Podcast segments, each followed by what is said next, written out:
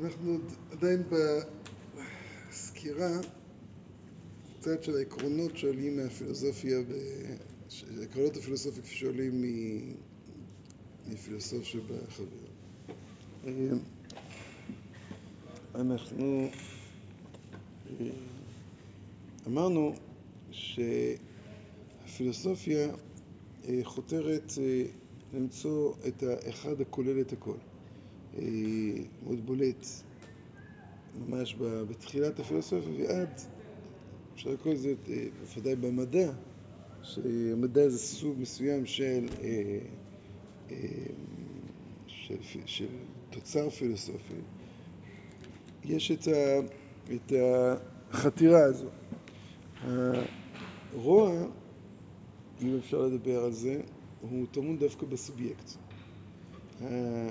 הטוב פירושו ההתאמה, אפשר לקרוא לזה של הכל אל הכל, וממילא ניקוי האדם מתחושותיו הסובייקטיביים, אם אותה תחושה היא לא גילוי של הכל.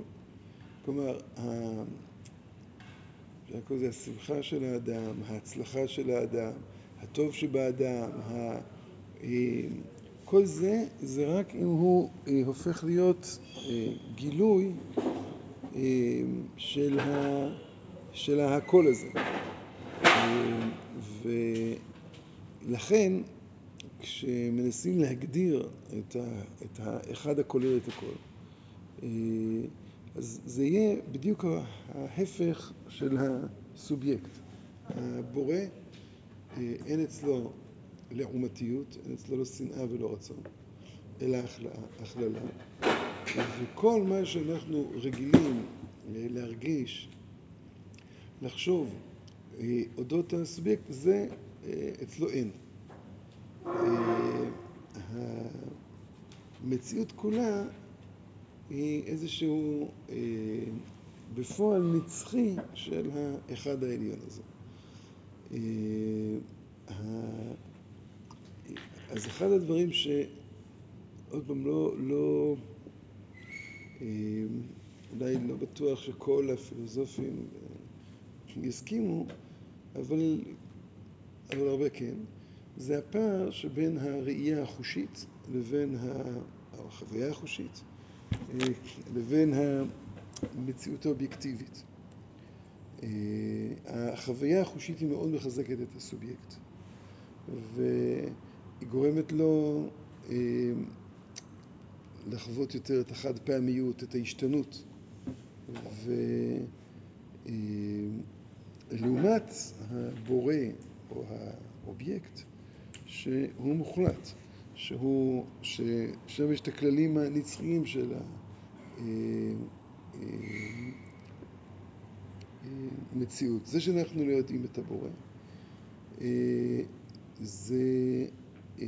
זה לא כזה משמעותי, כי הוא קיים מבלי שנדע אותו. אבל יש לנו אמונה, וזה הזכרנו, מתנה, שכל השכל, השכל יכול לחשוף את הכללים האלה. עכשיו, אם אנחנו באים ואומרים שהחוויה הסובייקטיבית היא חסרת ערך, אז שאלה שצריכים לשאול את עצמנו, מה מידת חופש הבחירה? ברור שככל שניטה יותר לפילוסופיה, אנחנו פחות נאמין בחופש הבחירה. יש חוקים, יש כללים נצחיים. העולם החושי, שהוא, אפשר לקרוא לזה, הגילוי החד פעמי של חיתוך מסוים של מספר חוקים. כלומר, יש התנגשות של כמה חוקים שעכשיו הולידו את הפעולה הזו, כמו שאנחנו רואים את התיאור שלו, את בריאת האדם. שכל אדם הוא איזשהו תוצר של רצף אקראי של חוקים. אז אולי, אבל, האם זהו גורם לאדם, נקרא לזה לא לבחור בכלל, חוסר יכולת לבחור? מה משמעות הבחירה שלו? באופן בסיסי, אנחנו רואים שוודאי שאדם יכול לבחור אם הוא מסוגל להיות פילוסוף, הוא מסוגל, הוא יכול לבחור בין להיות פילוסוף בכוח ופילוסוף בפועל. אה, וזו בחירה.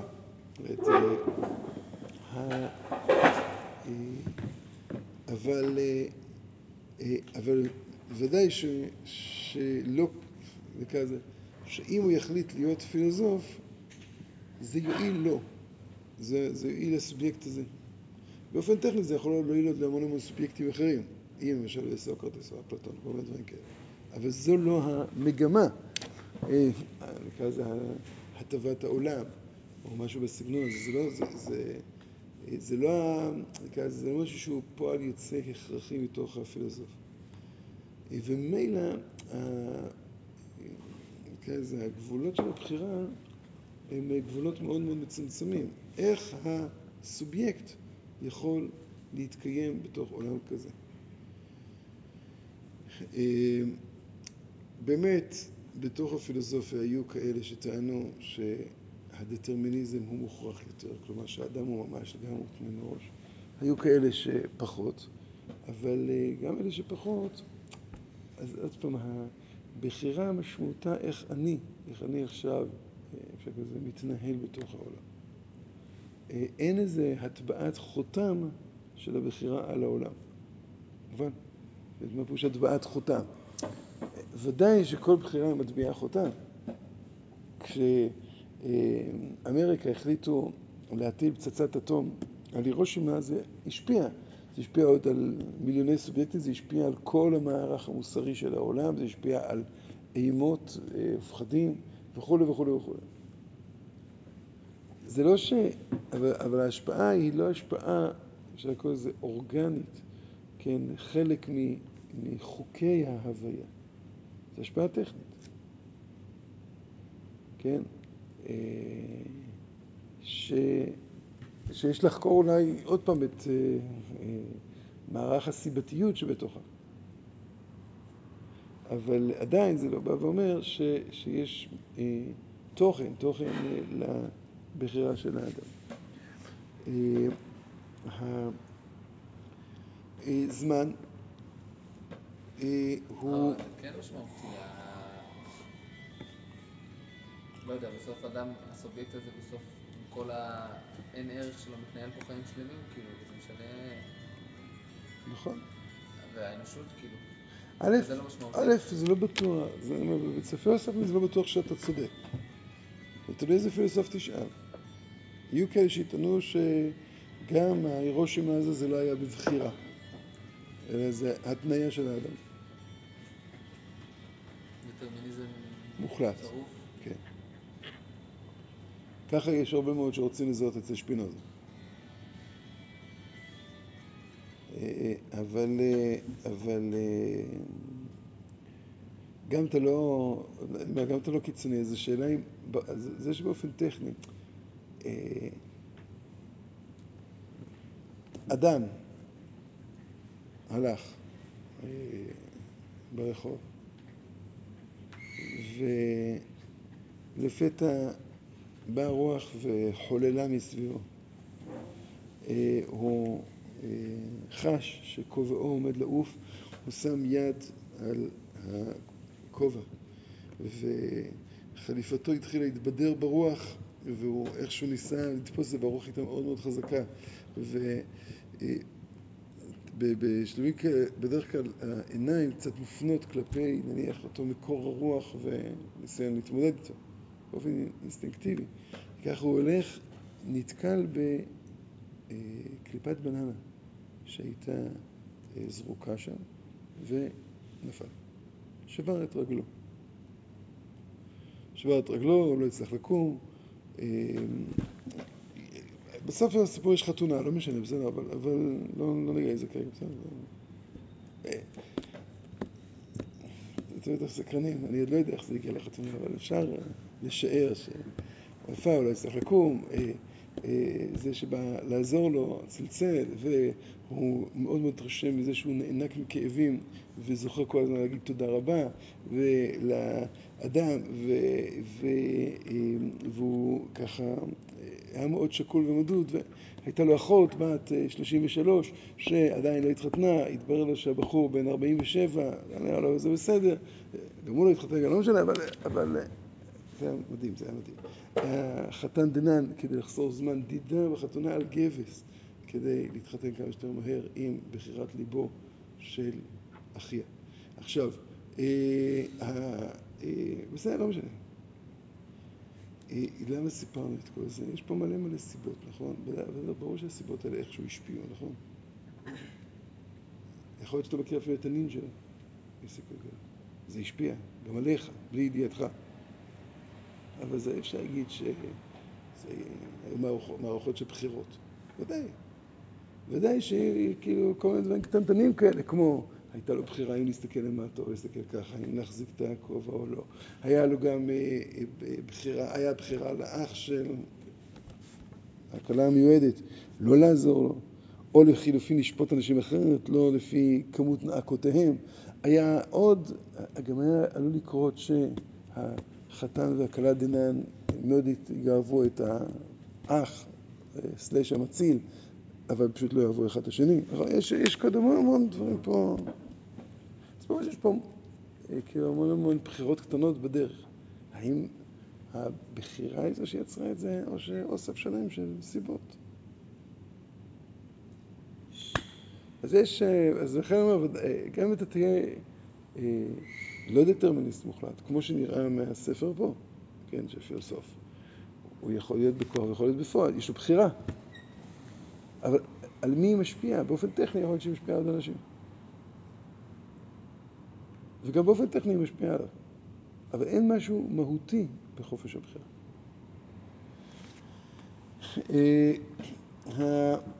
בסדר? או שלא בסדר? עכשיו, הזמן.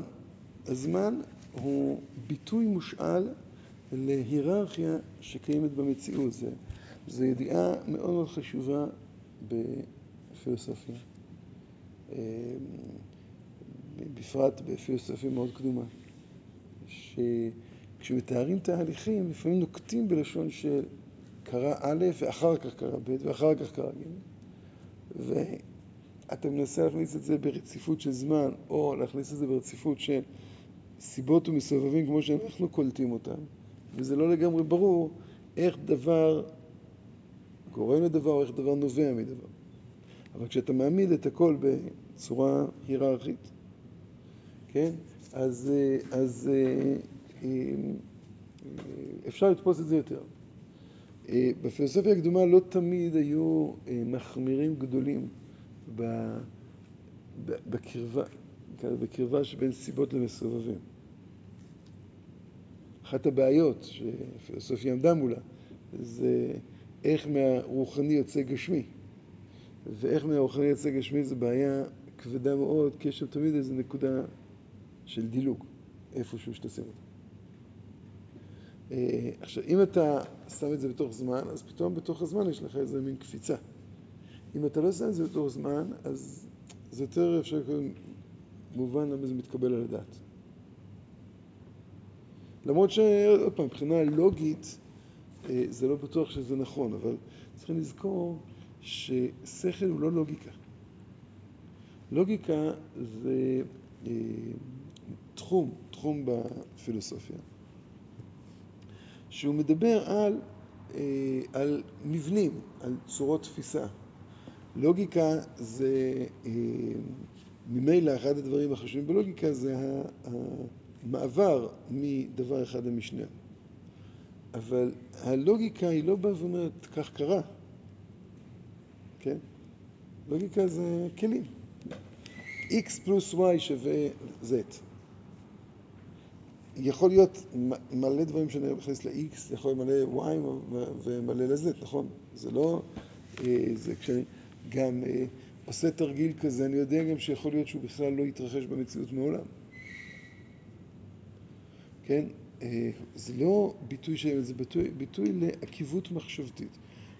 הכיוון מחשבתית היא לא בהכרח, לפחות אה, חלק מהפילוסופים, אה, חשבו שהיא לא בהכרח חייבת להיות לוגית בצורה מסוימת.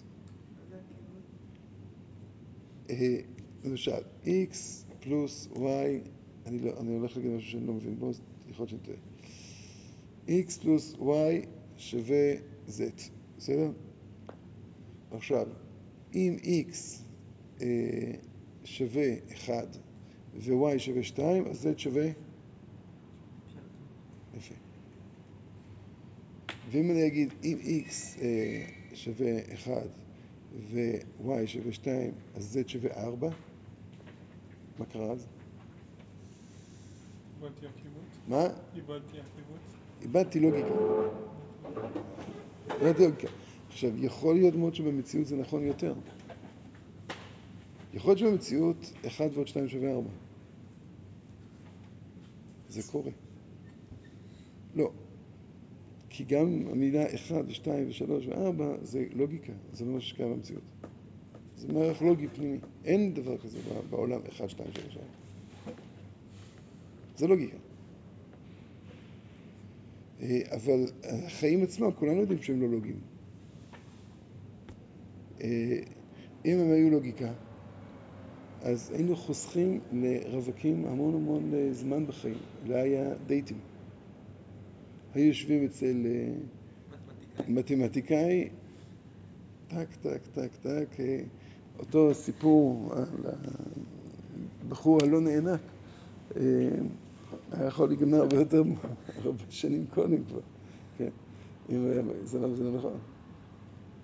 שטוב, זה טעות מה שאמרתי, כי הבאתי משהו שהוא לא ממין העניין, הבאתי סובייקטים ולא דברים אובייקטיביים, כן? לכן אובייקטים כן חייבים לעבוד באופן לוגי. חייבים לעבוד באופן לוגי, רק לוגיקה לא חמורה בהכרח. זה החלטות יותר מאוחרות של הפילוסופיה, עד כמה הלוגיקה היא חייבת להיות אה, מוכרחת מאוד. עוד שאלה, אבל- אה, הסוגיה של אה, איך מרוחניות זה גשמית, אותה סוגיה של איך מאחד יוצא שתיים? סוגיות נפרדות?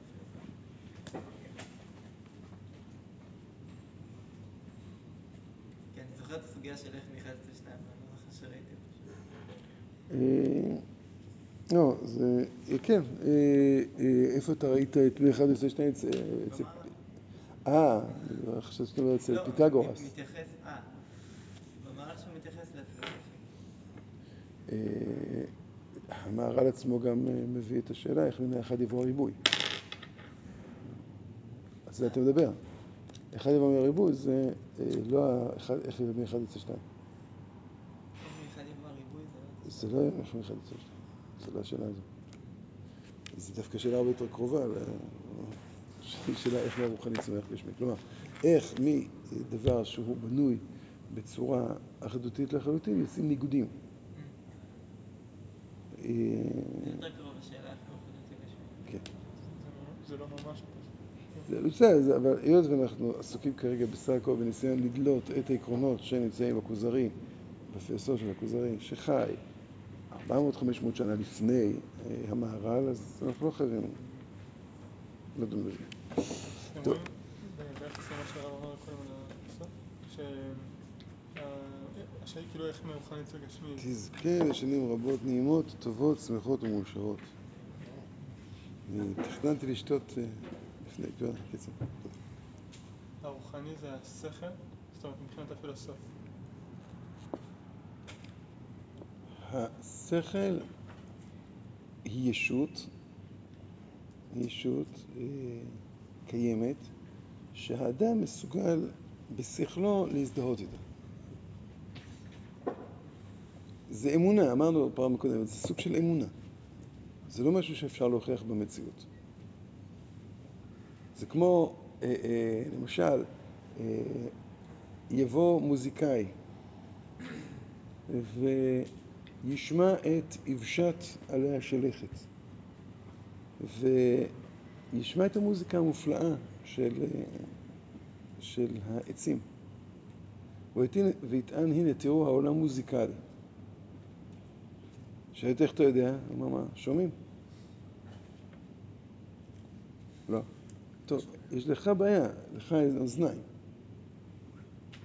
אבל יכול להיות שאני אטען מולו, אולי אין לי אוזניים, אבל לך יש הרבה דמיון, נכון? עכשיו יבוא פילוסוף ויגיד, תראו, העולם הוא שכל. איך אתה יודע? רואים. בסדר, יש לו גם עוד ראייה. עובדה ש... ששכל מזהה עקרונות שהם כל פעם חוזרים על עצמם. מתמשכים, נצחיים. עדיין זה אמונה. זה הסבר נהדר, אבל מי אמר שהוא הסבר נכון? אה,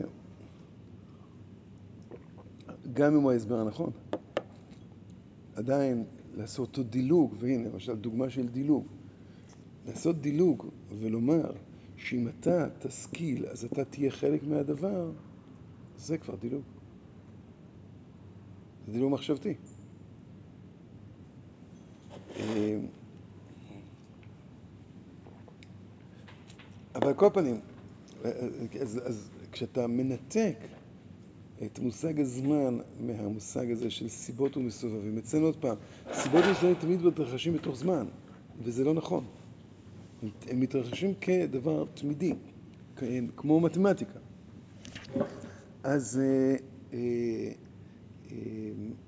אה, זה חשיפה של מבנה שקיים תמיד הזמן, זה בעצם, ה, אפשר לקרוא לזה המרחב שבו מתרחשת האקראיות של המציאות, שבה מופיעים הפרטים חסרי הערך של ה... ביחס לחוקים הנצחיים של המציאות.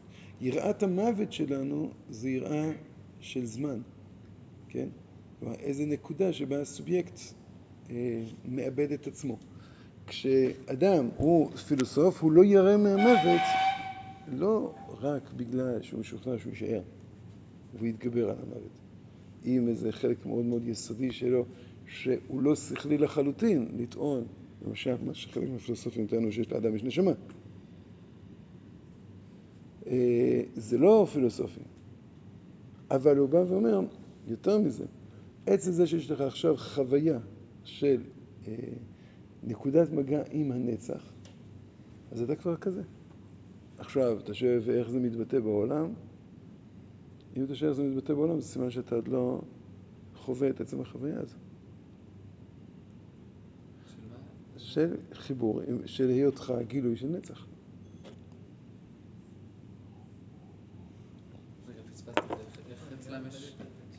אצל מי? לא, אני אמרתי עוד פעם. אמרתי, ופילוסוף הוא מנתק אותנו מהעולם של הזמן. אין משמעות להיסטוריה, אין משמעות להיסטוריה. אין משמעות לאירועים גדולים. כשישאלו את הפילוסוף מה, מי הם המדעים, הוא יטען, דווקא בצדק היסטורי, הפילוסופיה. זאת אומרת, הפילוסופיה היא זו שהולידה את כל החשיבה המדעית. אה,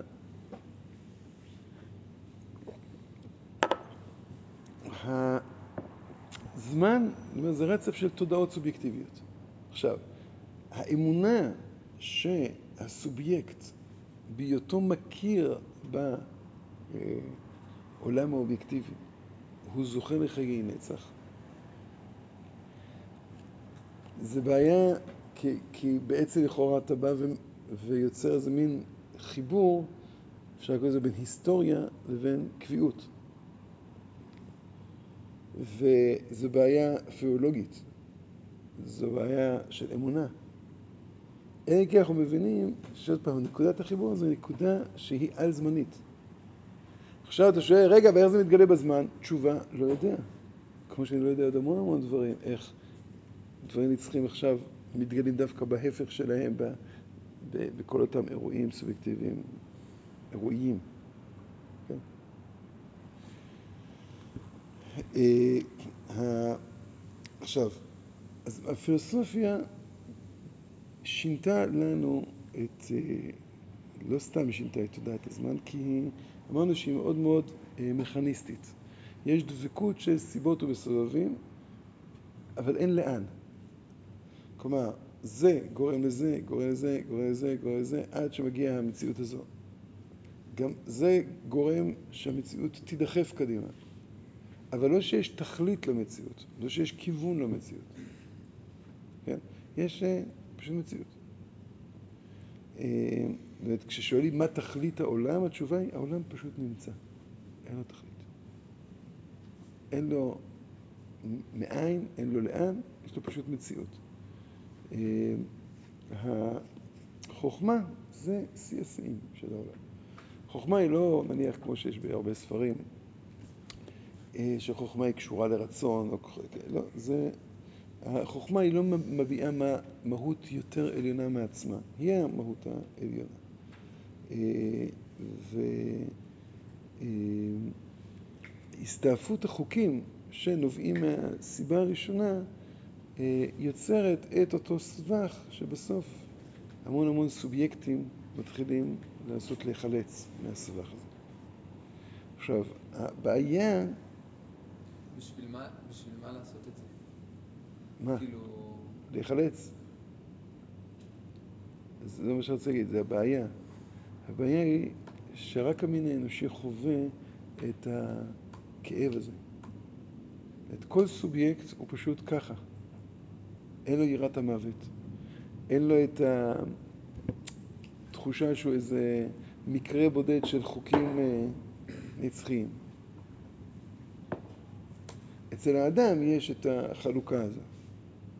אצל האדם יש את הכאב של התפיסה, של השניות של התפיסה הזו. אה, אז באמת, כששואלים את הפילוסוף, לא כולם יכולים לחלץ מהדבר הזה. יהיו כאלה כהי חושים שזה לא אכפת להם, של אכול ושתו כי מחר נמות.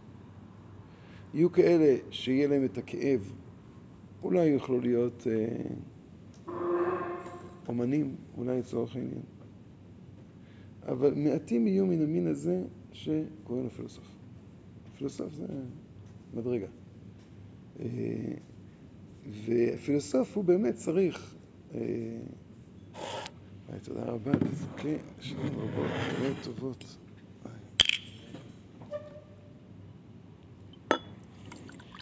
כן, צריך לשתות, הרופאים אומרים שצריכים לשתות הרבה. אה,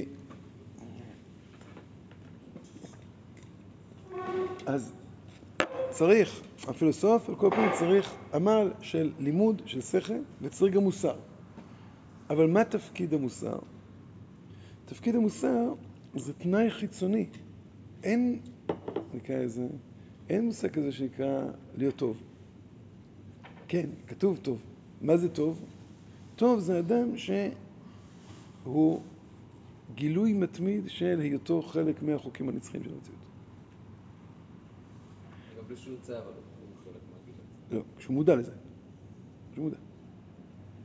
זאת מודע, זה, אבל, אבל אה, עכשיו, כשהוא... זה, זה זיהוי של טוב. עכשיו, זה, מאוד, אה, זה זיהוי מאוד מובן, הזכרנו את זה הרבה פעמים, שרע זה כשכל, שלא כל המערכות מתאימות זו לזו, וטוב פירושה שכל המערכות מתאימות זו לזו. שכששואלים אדם, מה שלומך, והוא אומר, רע, ברוך השם. אז מיד אנחנו נשאל אותו, למה? הוא איתה, יוכל לתת לנו איזה נקודה בודדת שהיא לא מותאמת אל הכל. כואב לי הראש, אני לא מרגיש טוב, מישהו העליב אותי. ו- ואז אנחנו מסתכלים ואומרים, בכל אדם כזה אה, שעונה תשובה, מונח, מונחת אה, תפיסה אינטואיטיבית, כפולה. א', שאמור להיות אחרת, שאמור להיות שהכל יתאים להכל. ב', שרוב הדברים אצלו מתאימים להכל. כי אחרת אולי אומר רע. אם מלכתחילה היה חושב שהכל זה אוסף אה, אקסידנטים, אז מה שלומי? אדיש, בסדר. עכשיו, לחילופין, אם אדם יגיד, ברוך השם, הכל טוב, או טוב, אנחנו נשאל אותו למה, באותו מבט דאוג, ששאלנו אותו למה רע, אז הוא יביט בנו, מה, אתה ציני? אתה צוחק עליי? טוב. אין לי מה להגיד על טוב. טוב פירושו שהכל, הכל מתאים להכל. אין לי, מה, אין לי סיבה בודדת. עכשיו, כשאתה מעלה את המושג טוב למוחלטות שלו, אז הוא אומר שהכל מתאים להכל. ושאתה חווה את זה, ושאתה חי את זה, ושאתה מעצב את החיים שלך על פי קנה המידה הזה. עכשיו, אז המוסריות היא איזשהו אה, פינוי שטח מרעשים מיותרים שלא מאפשרים לאדם, אם נשתמש בלשון פיוטית, לשמוע את המוזיקה של הטוב. אה, אם יש מוזיקה לטוב. אבל אה, אין ערך, עוד פעם, להיות באמת מוסרי. אני אתן צדקה לעני רק אם אני אחליט או שזה, שניתן צדקה לעני, זה חוק נצחי, זה, וזה בלתי אפשרי להגיד כך. כי לתת צדקה לעני בודד, זה בעצם זה מפגש עם סובייקט חלקי, וזה לא רלוונטי. אני אולי אתן כדי לעורר בליבי מידת חמלה, כי מידת חמלה היא אה, משהו נצחי. אבל לא המפגש עם האני הבודד הזה שעומד מולי, ומביט בי בעיניים קלות. למה מידת חמלה היא משהו נצחי? מה? כאילו... אם אני אחליט ש- שחמלה זה, מיד- זה מידה נצחית, אז כן. אם אני אחליט למשל שחמלה אולי זה לא מידה נצחית, אבל זה עוזר לי בסוף להיות פילוסוף. אה, אז גם כן אני יכול להיות כזה. אז אז הוא כן מחפש כאילו איזו התאמה נפשית לחוכמה לא, הזאת. לא, לא, ממש לא. כאילו זה, זאת אומרת שהנפש תתאים באופן חיצוני לשכל שלו כאילו? לא? אדם צריך להשקיט את נטיות גופו. איך אדם משקיט את נטיות גופו? בדרך הדת. או כרך הדת מן הפילוסופיה. אבל התפקיד של הדת הוא לא שהמעשים יביעו איזו אמת ענקית, אלא שיהיה איזשהו תואם, ורגע התואם הוא לא הכרחי. שלפנות את השטח למרכז. אה, אז האדם עובר משכל נפעל לשכל פועל. כן, אה, אמרנו שהשכל הנפעל זה האופן שבו הסובייקט מטפס מלמטה למעלה, מאוסף של פרטים עד שהוא מוצא הכללה. לעומת שכל פועל שהוא מתחיל קודם כל מתפיסת המכלול. הוא רואה את המכלול ואז הוא דרך זה גם יודע בדיוק איפה הפרטים אמורים אה, להיות. אה, והשכל הפועל הוא חייב להיות, אה, לעבוד לשמה, לא לעבוד אה, לשם שום דבר אחר. אה, וזה עוד פעם, זה דברים שנאמרו להיות כעבדים המשמשים את האמת על מנת שלא לקבל פרס, זה נאמר על ידי פילוסופים יווניים בערך בתקופת חזקיהו המלך. ככה בשליש האחרון של בית ראשון. אה, אה, עכשיו, כשבא ממילא הפילוסוף אל המלך, הוא נותן לו את הפשר של החלום. עכשיו אנחנו יכולים להבין את זה יותר. שאין מעשה נרצה, אבל יש יחס. מה חלמת? החלום שלך הוא באמת מלא דמיון. הוא פגש בורא, למרות שאין בורא. הוא, הוא פגש אה, ציווי, למרות שאין ציווי. הוא פגש אה, אה, אה, לחפש מעשה. לא, זה התשוקה שלך בחלום להיות חלק, גילוי של החיים עצמם ולא של האני המושגי של האדם.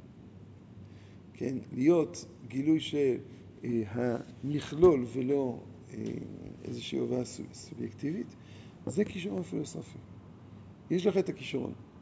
והכישרון שלך, או כשאתה מחפש את המעשה הנרצה, תחפש בעצם את היכולת שלך להיחלץ מהמסגר הסובייקטיבי.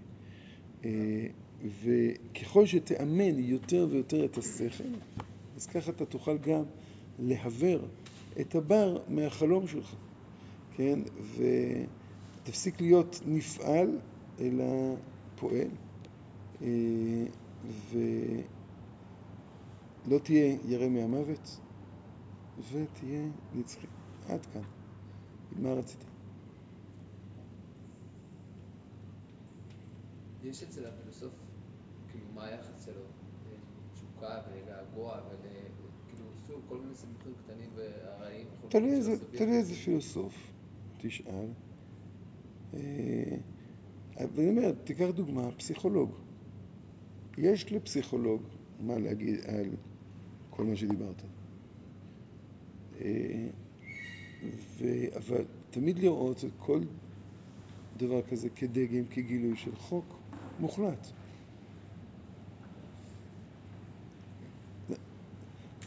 בחור בגיל 16 מגיע לפסיכולוג, אז פסיכולוג יגיד לו, אתה איזשהו מקרה בוחן או מקרה בודד של גיל ההתבגרות. וגיל ההתבגרות יש לו כללים ועקרונות משלו, לכולם. אחד מביע את זה ככה, אחד מביע את זה ככה, כל אחד במישור כזה או אחר. עכשיו ישאל הבן אדם את, ה, את הפסיכולוג, אז למה כל החברים שלי מאושרים ואני מבואס? אז פסיכולוג יכול לבוא ולהגיד לו, אה, א', אתה לא יודע, ב', אתה, הוא ישאל אותו במבט חודר כמה אתה נמצא באינסטגרם, ו... אה, ו... כן, היום יש אה, דיכאון כתוצאה מזה. כאילו, למה בן אדם מצטלם? מתי אדם מצטלם? כולם שולחים את הצילומים שלהם שמחים, מאושרים, עכשיו אנחנו ליד חוף הים, אנחנו עכשיו, אנחנו עכשיו מחובקים כולם ביחד, אני עם גיטרה, בישלתי משהו, תראו, תראו, תראו, תראו, ואני מסתכל, עוד תמונה, עוד תמונה, עוד תמונה, אני לא הייתי אני לא יודע לאפות כאלה דברים יפים, אני גם לא יודע לנגן, אף אחד לא חיבק אותי, הוא ככה מלא, תסתכלו מה קורה.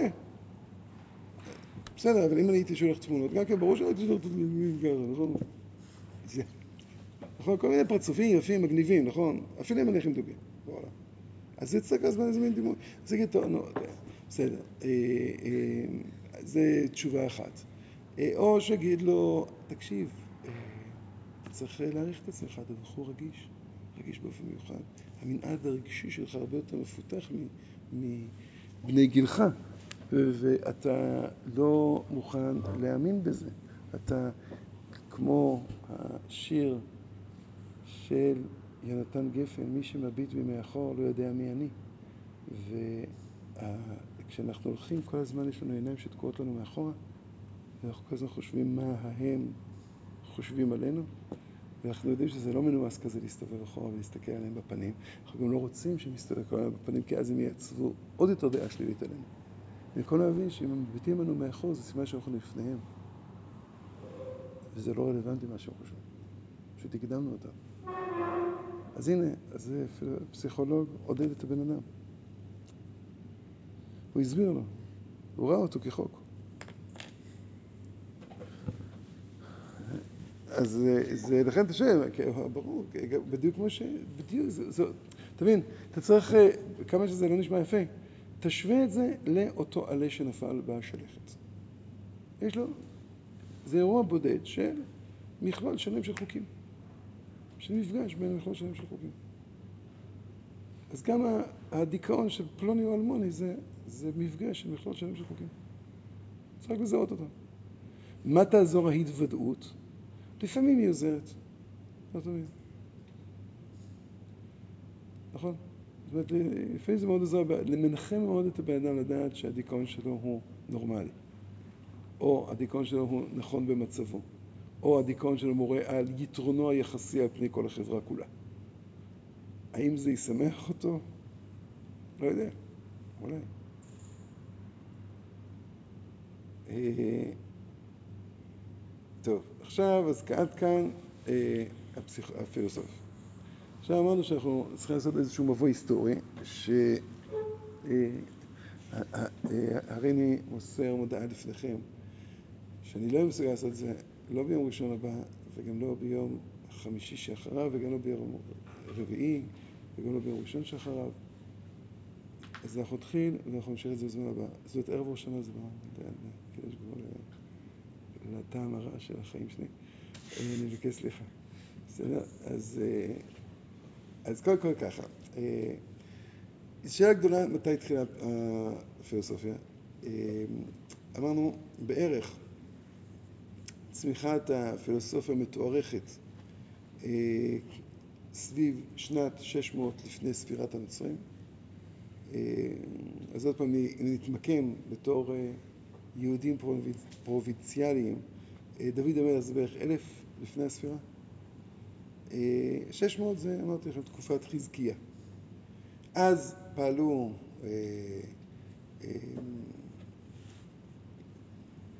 כמה פילוסופים באזור טורקיה, שנחשבים הראשונים, יכול להיות שעוד לא קראו להם פילוסופים.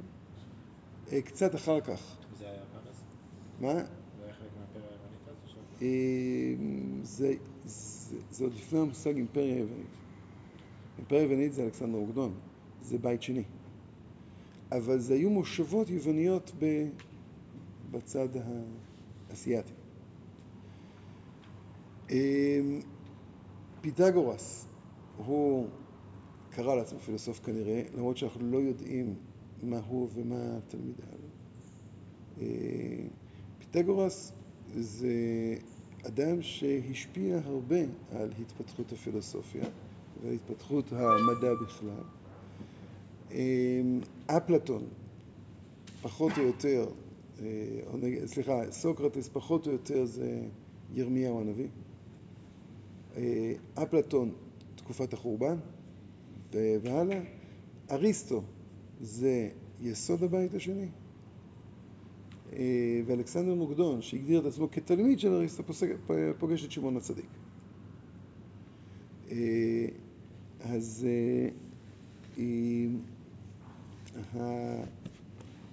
מאז, מאז אלכסנדר מוקדון, אין לנו פילוסופים יווניים בעלי שיעור קומה כמו אפלטון, כמו סוקרטס, כמו אריסטו, כמו פיתגורס. אה, אבל גם, תחשבו, גם קודם, אנחנו סופרים חמישה-שישה. אחרי זה אפילו חמישה-שישה לא. אה, אבל, אבל מה שכן קרה זה שהיוונות הפכה להיות תרבות, תרבות ההלניסטית.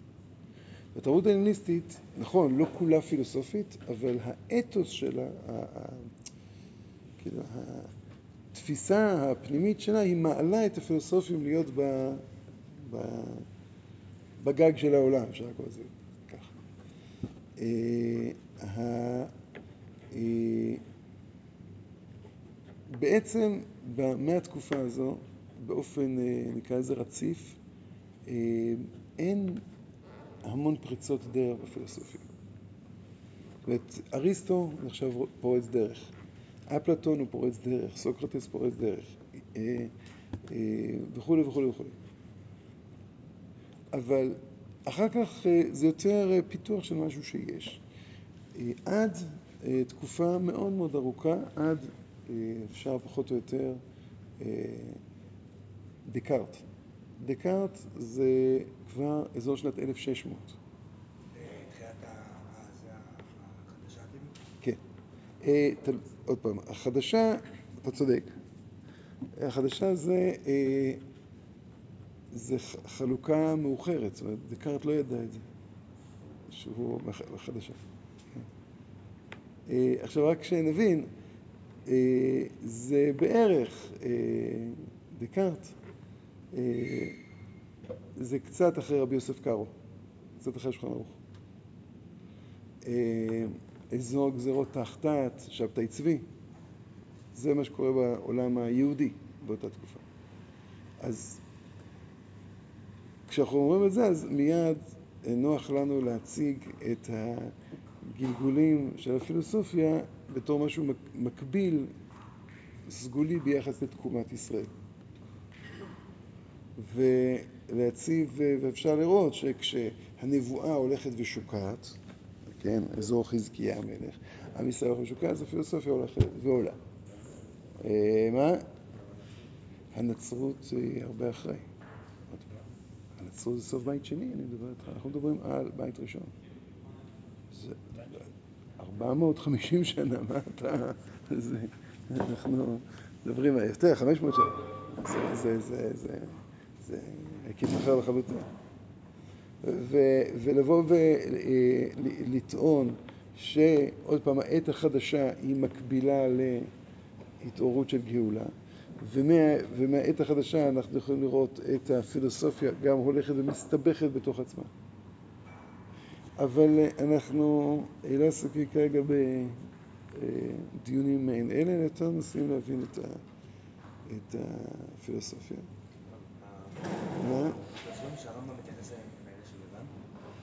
פילוסופים בעיקר הוא מתייחס לשני זרמים, אחד למחשבה האריסטוטלית ששלטה בעולם, אבל הרבה מאוד עם הלבוש המוסלמי שלה, שזה יותר בזמנו.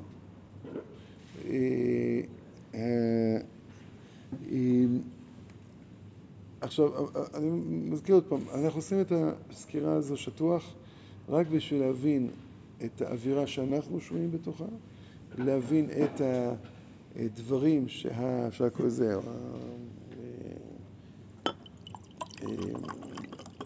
רבדים שאפשר לקרוא לזה שהאישיות פחות או יותר שלנו מושפעת אפילו בלי מודעות אליה.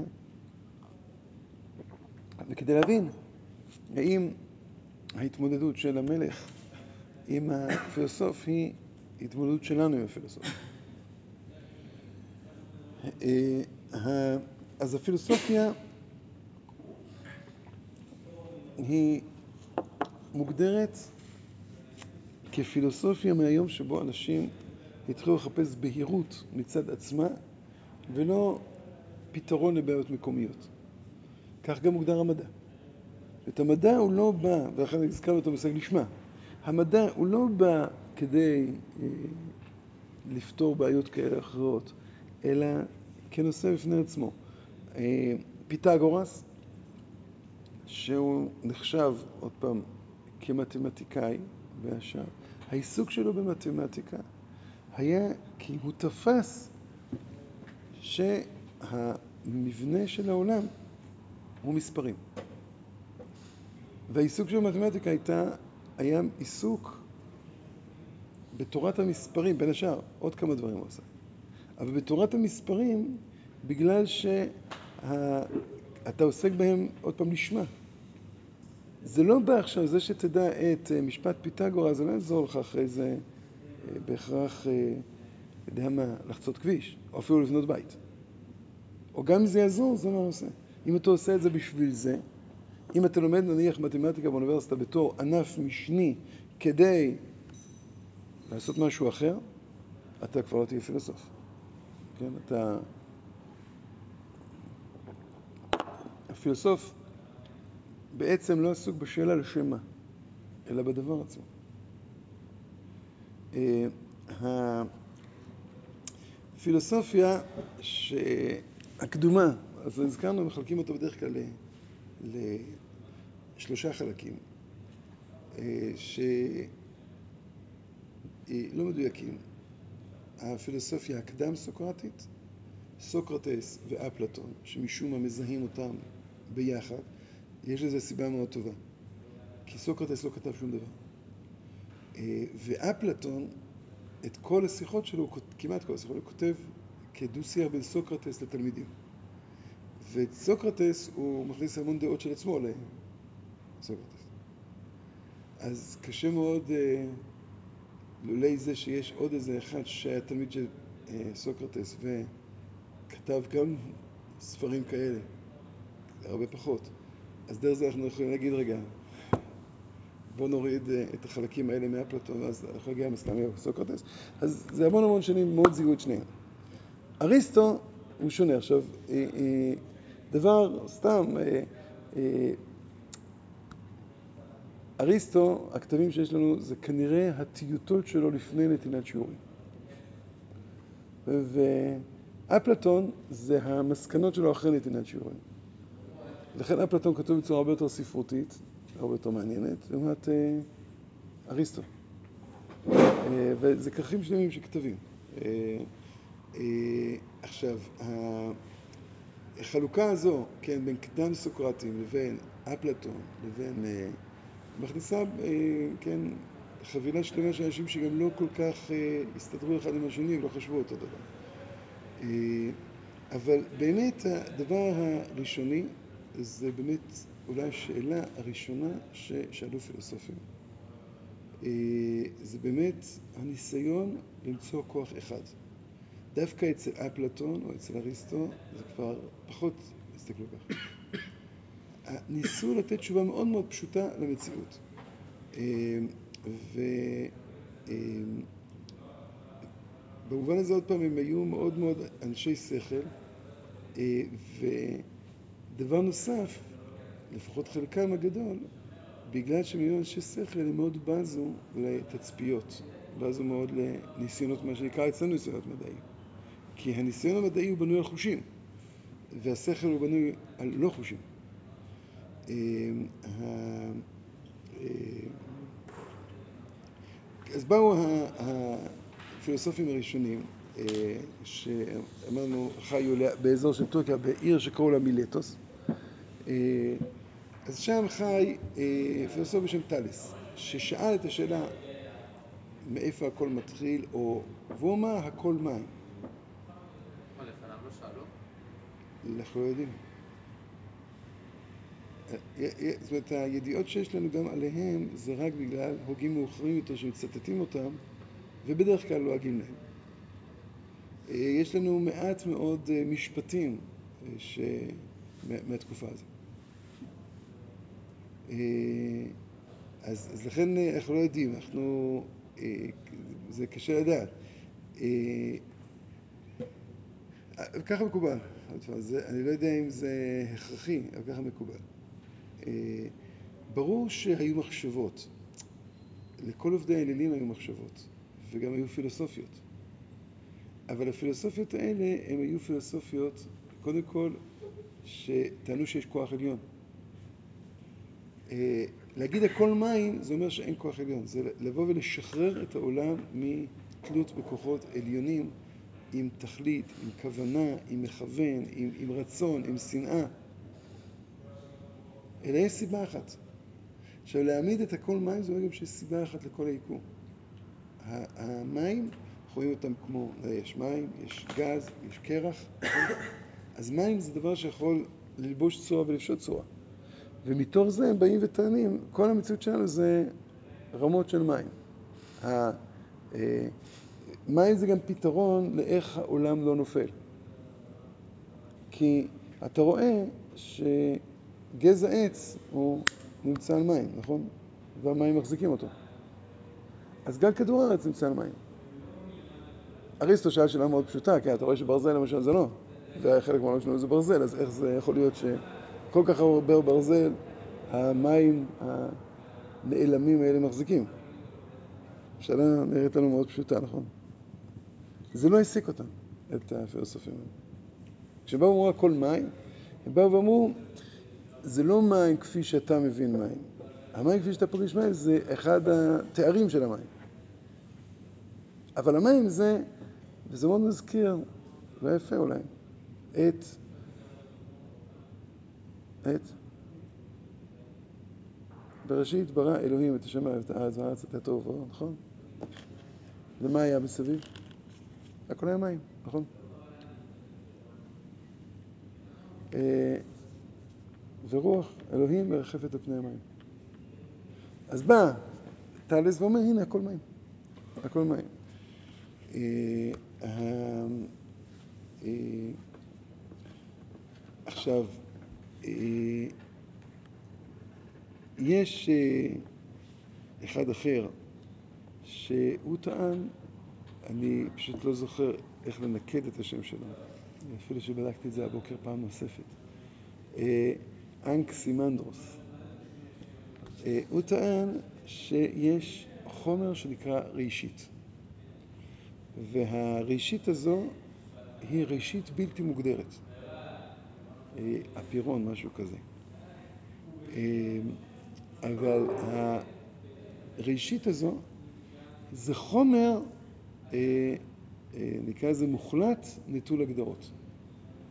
זה לא שיש איזו ראשית רוחנית שממנה יוצא גשמי, אלא יש גשם שהוא מאוד מאוד מופשט, ועכשיו יש להם כל מיני סיפורי התהוות אחרי זה, איך בדיוק אה, מהמופשט הזה הוא מחליט להיות מוגבל. אבל ה- אה, אצל טלס, התשובה איך, זה, זה רק שינויים כמותיים. כן, אה, אצל אלכסימנדרוס הוא בא ואומר, יש איזשהו כוח בתוך הלא מוגדר הזה, שתובע מעולם סדר בתוך אה, מלחמה מתמדת. יש מלחמה בין אור לחושך, יש מלחמה בין קור לחום. ועכשיו, בתוך כל המלחמות האלה, אז, אז יוצאים שביבים של כל מיני נבראים. אה, ו... אה, רגע, וואי, נעצור פה. נעצור פה, נמשיך בשנה הבאה, בעזרת השם.